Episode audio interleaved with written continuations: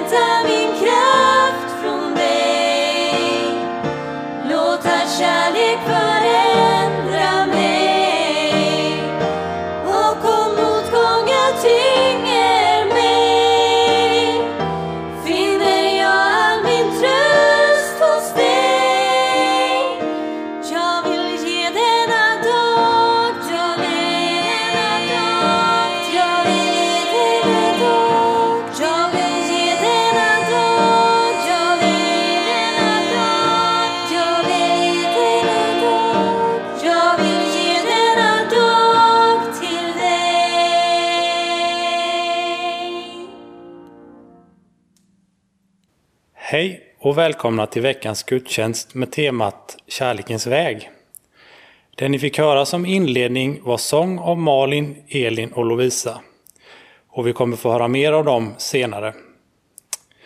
Under gudstjänsten kommer vi även att få lyssna till ett inledningsord av Astrid Blomdahl, en predikan av vår pastor Johanna och sång tillsammans med psalmkören. Och jag som leder gudstjänsten heter Rasmus Henrysson. Eh, Vi kommer att inleda med att tillsammans med psalmkören sjunga psalm 10, Lov, ära och pris. Och därefter får vi lyssna till Astrid som läser inledningsordet. Men först ber vi för gudstjänsten. Eh, jag kommer att avsluta bönen med att be Gud som haver. Och ni får gärna vara med och be. Herre, tack för din stora kärlek till oss. Tack för att du är med var och en som lyssnar, där de är just nu. Tack för att du är med alla som har det extra svårt just nu.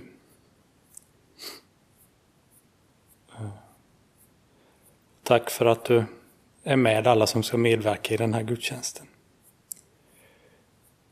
Gud som haver barnen kär, se till mig som liten är. Vart jag mig i världen vänder, står min lycka i Guds händer. Lyckan kommer, lyckan går. Du förblir vår Fader vår. Amen.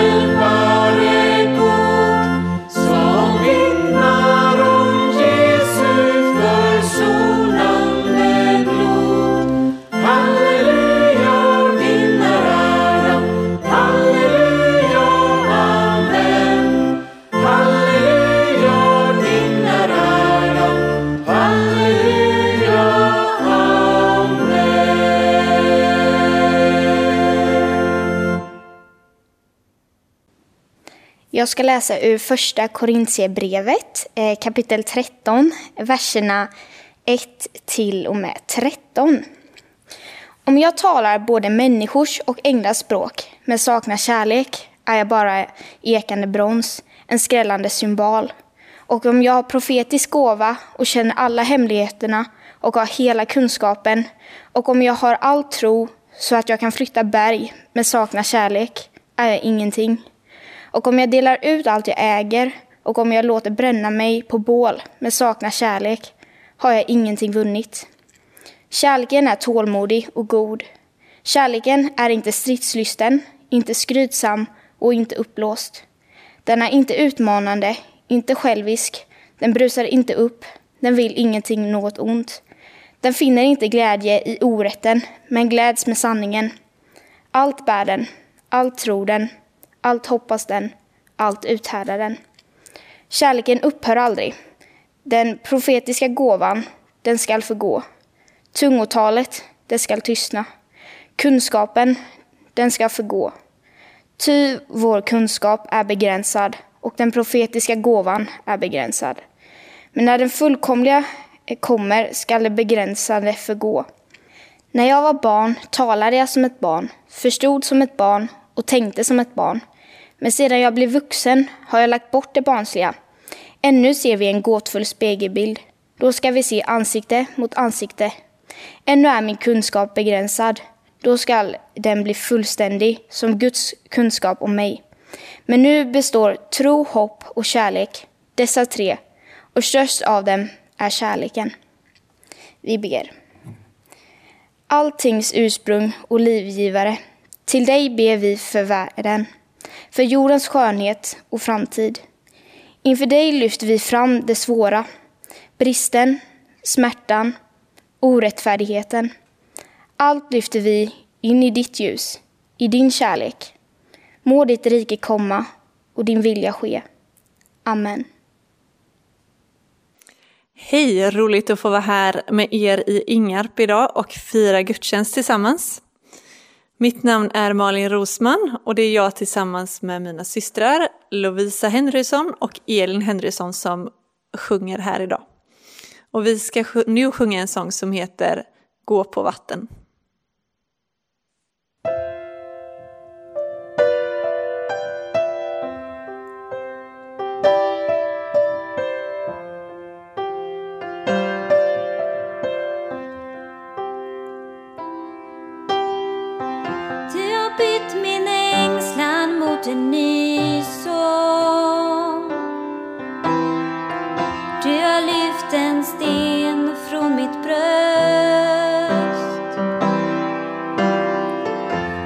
Torka tårarna och du torkar dem igen.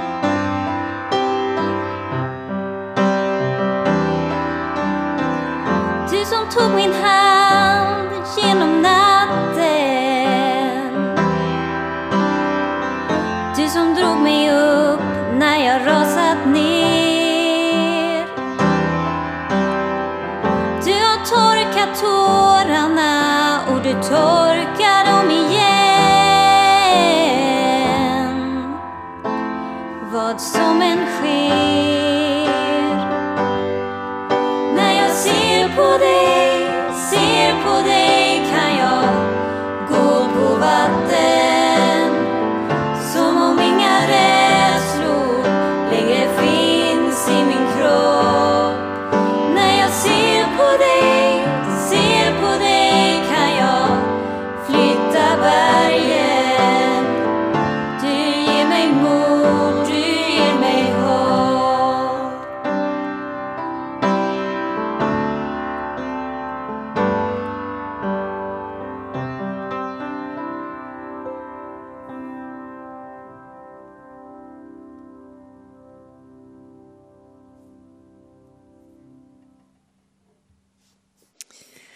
Jag vill läsa från Efesebrevet kapitel 2 och jag börjar vid vers 8.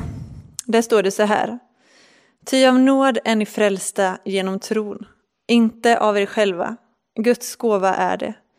Inte på grund av gärningar, för att ingen ska berömma sig. Ty hans verk är vi, skapade i Kristus Jesus till goda gärningar som Gud har förberett, så att vi ska vandra i dem. Jesus gick kärlekens väg för våran skull. Och det innebär att vi får ta emot frälsningen av nåd. Det är inget som vi kan prestera eller göra. Men min bön är att Jesus ska få bli synlig i mitt liv genom mina handlingar. Och det ska vi sjunga om nu i en sång som heter Livet som jag lever.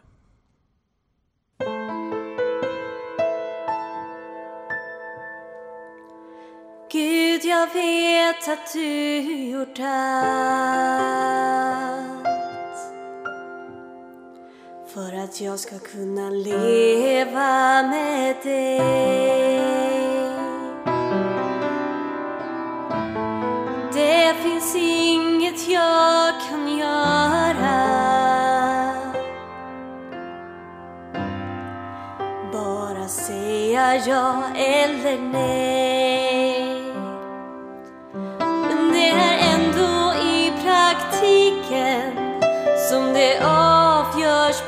Vis om jag menar det jag säger när jag tror. Gud förlåt mig för de gånger som jag levt helt för mig själv och inte tagit vara på min bror. Jag vill att livet som jag lever få betyda nåt för dig. Jag vill att allt jag gör och säger ska andas kärlek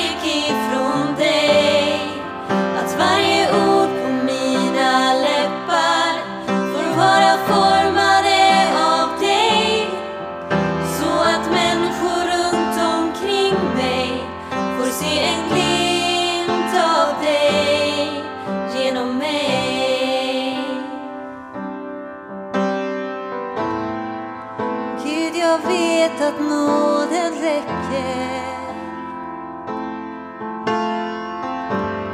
Att din död ger mig liv och att försöka leva upp till den, det blir bara ett platt försök att förtjäna nåden.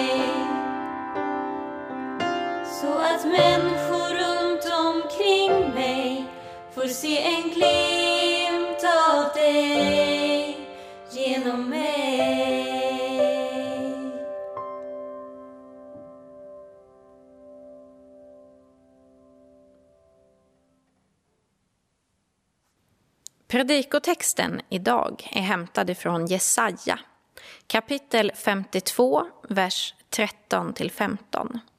Och det handlar om Herrens lidande tjänare. Min tjänare skall ha framgång. Han ska bli upphöjd, mäktig och ärad. Många förfärades över honom, så vanställt var hans yttre, så föga mänskligt hans utseende. Men nu får han många folk att häpna och kungar förstummas inför honom. Ty de ser något de aldrig hört talas om, bevittnar något de aldrig anat. Vi ber. Herre, vi tackar dig för ditt ord. Vi tackar dig för din tjänare, vår frälsare, Jesus Kristus. Herre, låt ditt ord få bli levande för oss idag. Möt oss genom ditt ord den här stunden. Amen.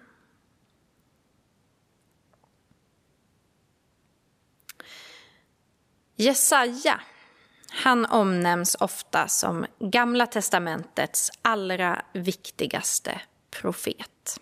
Och inte minst för oss kristna. Vi kristna som sedan urkyrkans tid har läst Jesajas profetior som ett förebådande om Jesus Kristus och det Guds rike som han talade om. Och Jesajas bok den är bred och den är omfattande.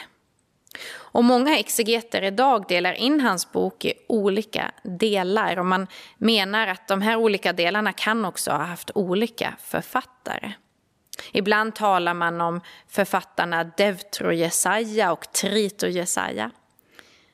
Men oavsett vad forskningen säger idag om det här ursprunget till Jesajas bok så är det fortfarande mycket som är döljt, höljt i dunkel om författaren bakom texten. Man tror att det kan ha rört sig om en person som levde under 700-talet före Kristus. Under kungarna Ahas, Ussias, Manasses och Hiskias tid. Och det verkar ha varit en man som levde nära de härskande makterna i landet och vars ord också fick en stor genomslagskraft även i sin egen tid. Men även om Jesaja levde nära de styrande ledarna i landet så var han inte rädd för att ställa dem till svars. Och hans budskap till ledarna och till folket i Israel, det är ofta ett beskt sådant. Vänd om. Ni har övergett er Gud och det kommer att stå er dyrt. En stor del av Jesajas profetior handlar om dom.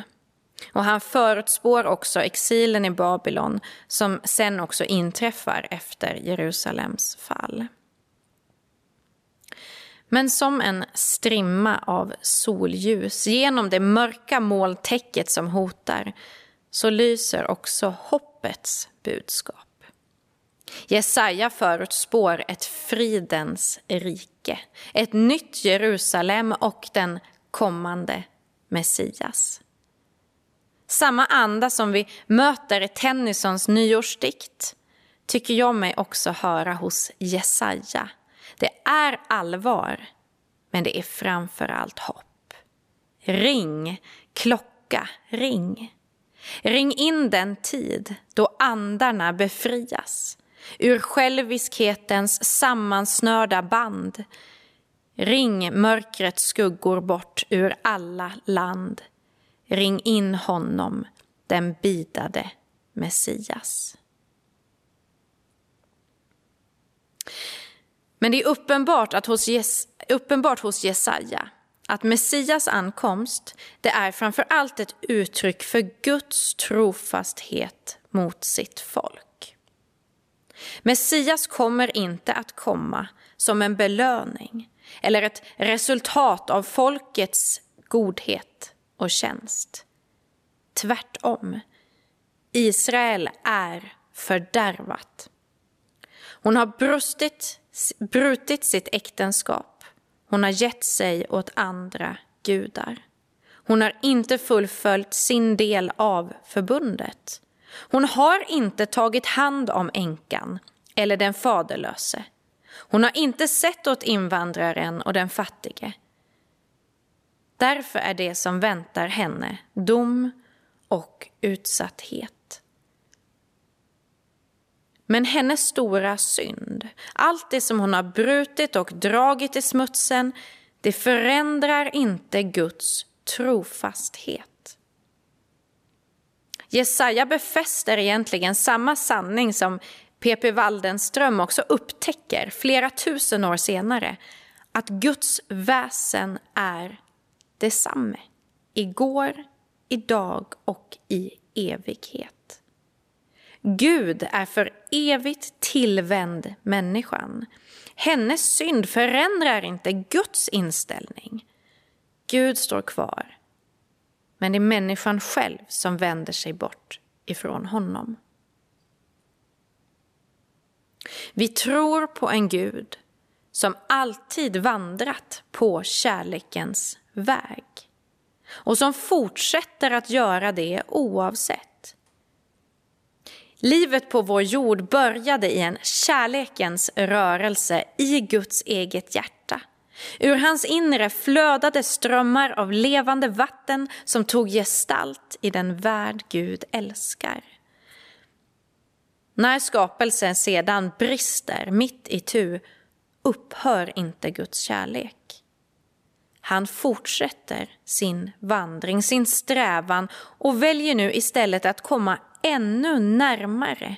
Gå alldeles intill.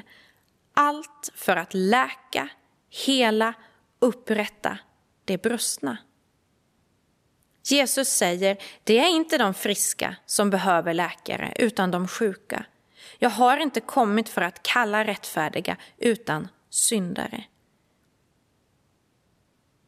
Men Gud nöjer sig inte med att komma nära, så att han kan stå bredvid och peka i rätt riktning. Visa oss vägen och uppmuntra oss att gå. Det var Johannes döparens, det var profeternas uppdrag. Viktigt, men i längden otillräckligt. Gud går ett steg till. Han kommer så nära att han kan röra vid de sjuka. ta på det som är skadat. Det Jesus gjorde när han vandrade kärlekens väg på jorden, det var radikalt och det var uppseendeväckande. Han rörde vid kroppar. Han gick fram till dem som ansågs vara orena och han la sina händer på dem. Han tog på det som gjorde som allra mest ont. Rörde vid det svåraste, svartaste, sjukaste. Ty sådan är vår Gud. När Jesaja profeterar om det här så skriver han Men nu får han många folk att häpna och kungar förstummas inför honom. Och om man går till grundtexten i den här meningen så kan man upptäcka någonting väldigt spännande. För samma ord som används här, det skulle också kunna översättas som att det som Gud gör är att han bestänker folken. Samma hebreiska ord används i sammanhang i Gamla testamentet när översteprästen stänkte blod i ett försoningsoffer. Eller när Gud stänker vatten för att rena. Och den här handlingen får såklart folket att häpna, som det står. Det Herrens tjänare Jesus gör är något oerhört. Det är en helig handling som människor liksom ser, de upplever, men de kan egentligen inte förstå vidden av det. Han går närmare än någon annan. Och blodet i hans försoningsoffer skänker rening åt folken. Och visst är det talande att det står här i texten från Jesaja att det är just kungarna som förstummas inför det som Jesus gör. Det är de stora, det är de mäktiga, de som annars har ordet i sin makt. Inför det oerhörda som Jesus gör står de förstummade. Det är som att det Jesus gör här, det kommuniceras på ett språk som de inte förstår. De har aldrig lärt sig att tala det språket. Han som är högst av alla kommer inte i makt och härlighet. Som Ylva Eggehorn skriver i sin älskade millenniesalm. Vi trodde du var användbar till salu. Vi skrev ditt namn på våra stridsbaner. Vi byggde katedraler högt mot himlen. Men du gick hela tiden längre ner. Längre ner. Längre in. Närmare. Det är den kärlekens väg som leder till liv. Men det är också en väg som leder ner i smutsen. Det är en väg som blottar sig för utsattheten och identifierar sig med barnet som ligger på ett jordgolv.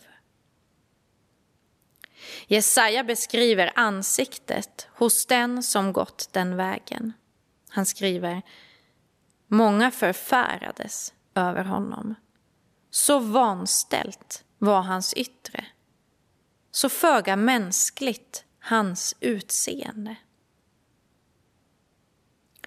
Är det Kristus på korset som Jesaja beskriver här? Slagen, blodig, smutsig, bespottad. Människor förfärades. Kunde inte se sig själva i mannen som hängde där uppspikad. Men som Jesaja skriver bara några verser längre fram. Men det var våra sjukdomar han bar. Våra plågor han led när vi trodde att han blev straffad. Slagen av Gud, förnedrad. Han blev pinad för våra brott. Sargad för våra synder. Han tuktades för att vi skulle helas. Hans sår gav oss bot.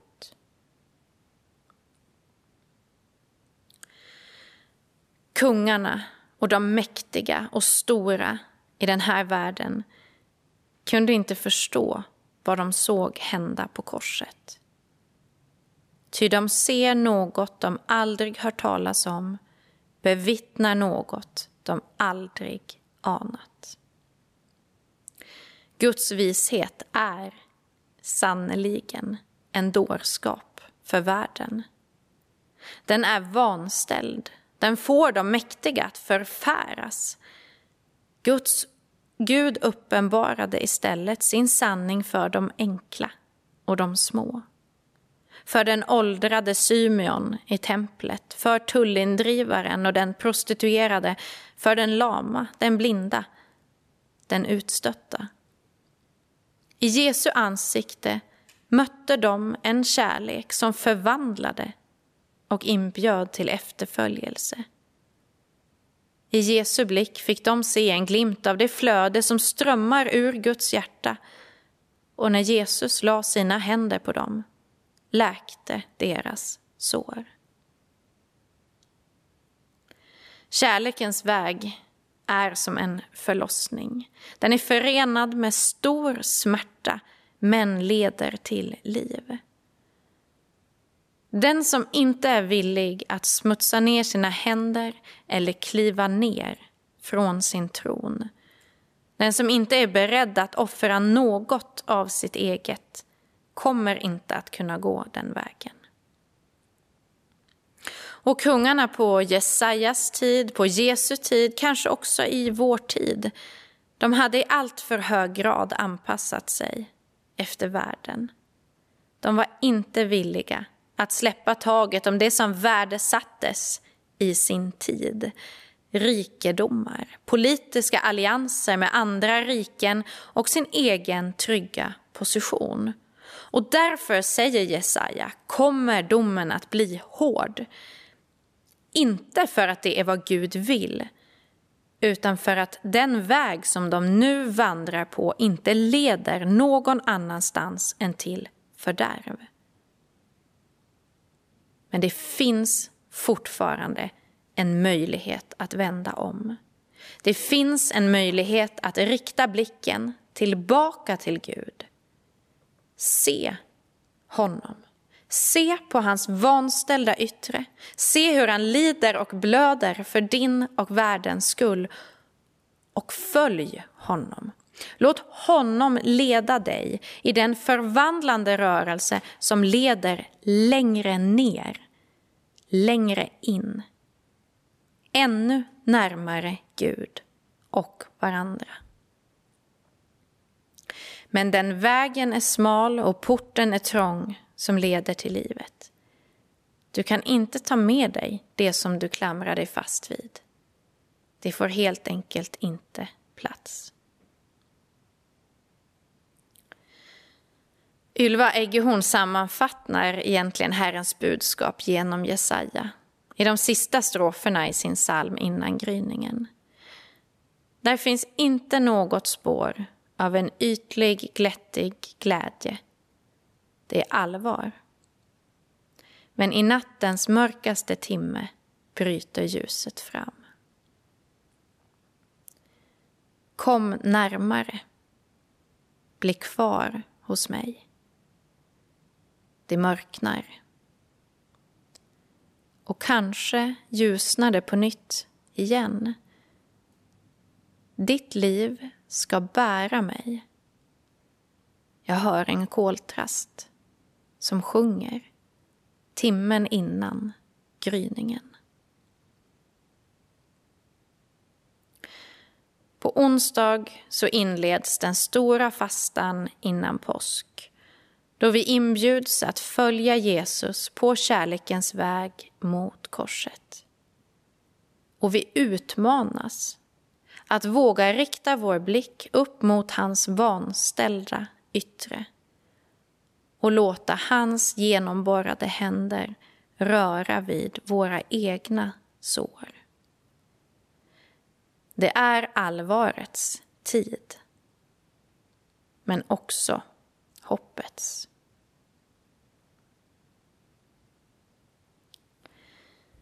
Vi sjunger nu tillsammans Ylva Eggehorns psalm Innan gryningen. Och det är nummer 796 i Salmer och sånger.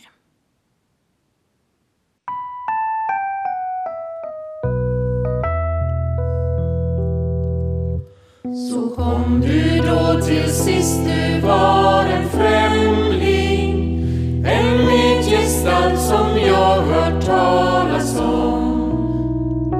Come on, Bum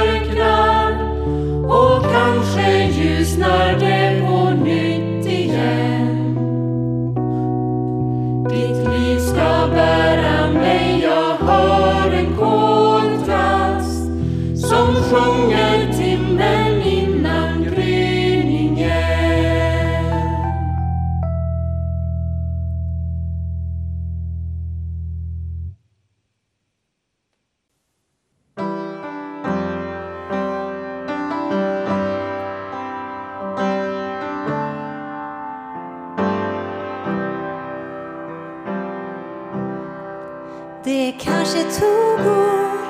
Vem räknar dagar?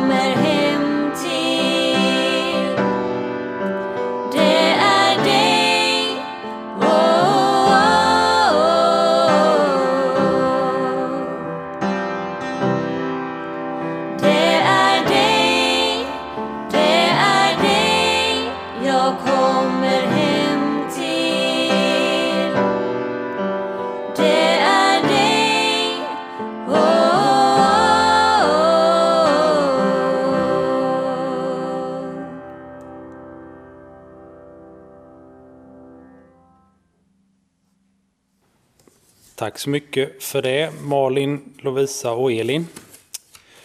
Eh, nu fortsätter vi gudstjänsten med lite pålysningar.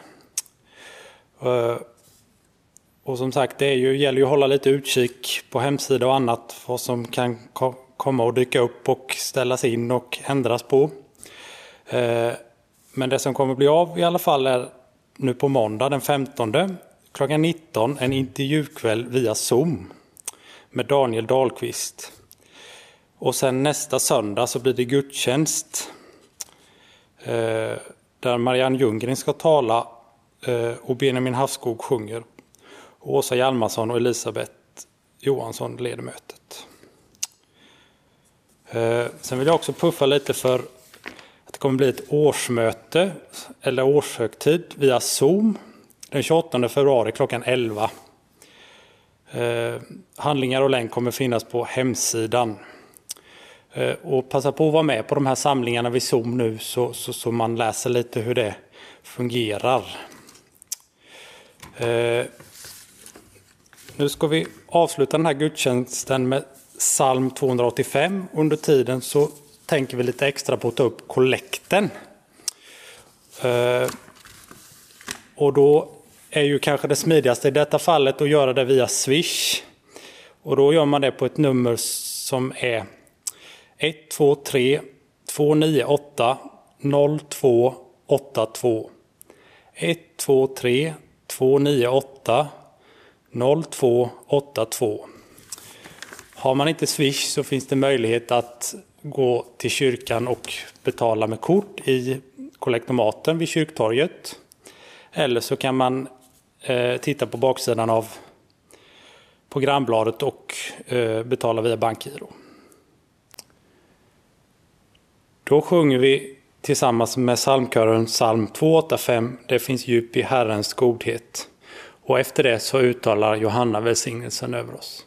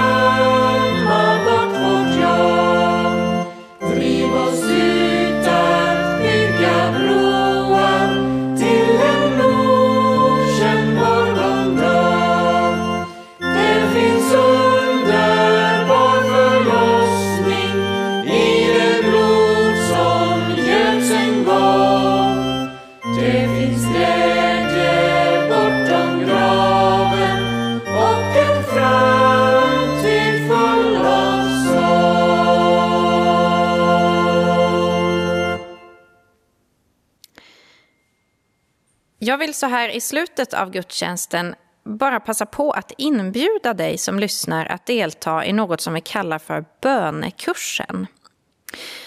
Bönekursen är en hjälp kan man säga till ett fördjupat andaktsliv, ett fördjupat böneliv. Och den utgår ifrån Herrens bön.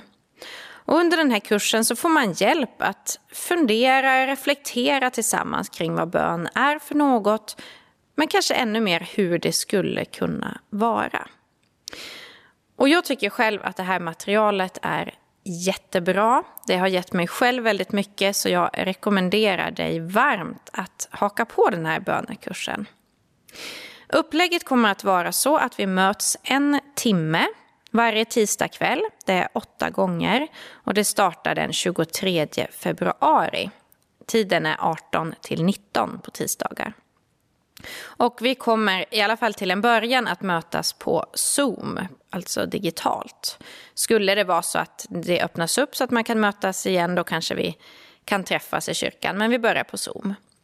Men det innebär ju också att oavsett var i Sverige eller världen du bor så kan du ju vara med på det här. Det enda som behövs är en dator eller en padda eller en telefon. Och om du anmäler dig till mig att du vill vara med, då kommer jag då att skicka en länk till dig som du helt enkelt klickar på klockan 18 på tisdagen och då är du med. Och varje gång vi träffas så kommer vi att se en kort film tillsammans och sen så kommer vi samtala och be. Och som vi fått höra idag så inleds ju fastan på onsdag. Och kanske är det här en perfekt sak att göra som ett sätt att markera den här perioden för sig själv. Att ge sig själv möjlighet att få fördjupa sin gudsrelation genom bön och få en nystart i sitt böneliv. Och jag tror att den här bönekursen passar alla. Det passar både dig som nästan aldrig har bett och det passar dig som har bett i många, många år. Jag hoppas att du vill vara med och mer information om det här finns på vår hemsida och församlingens Facebook-sida. Så får vi till sist ta emot Guds välsignelse.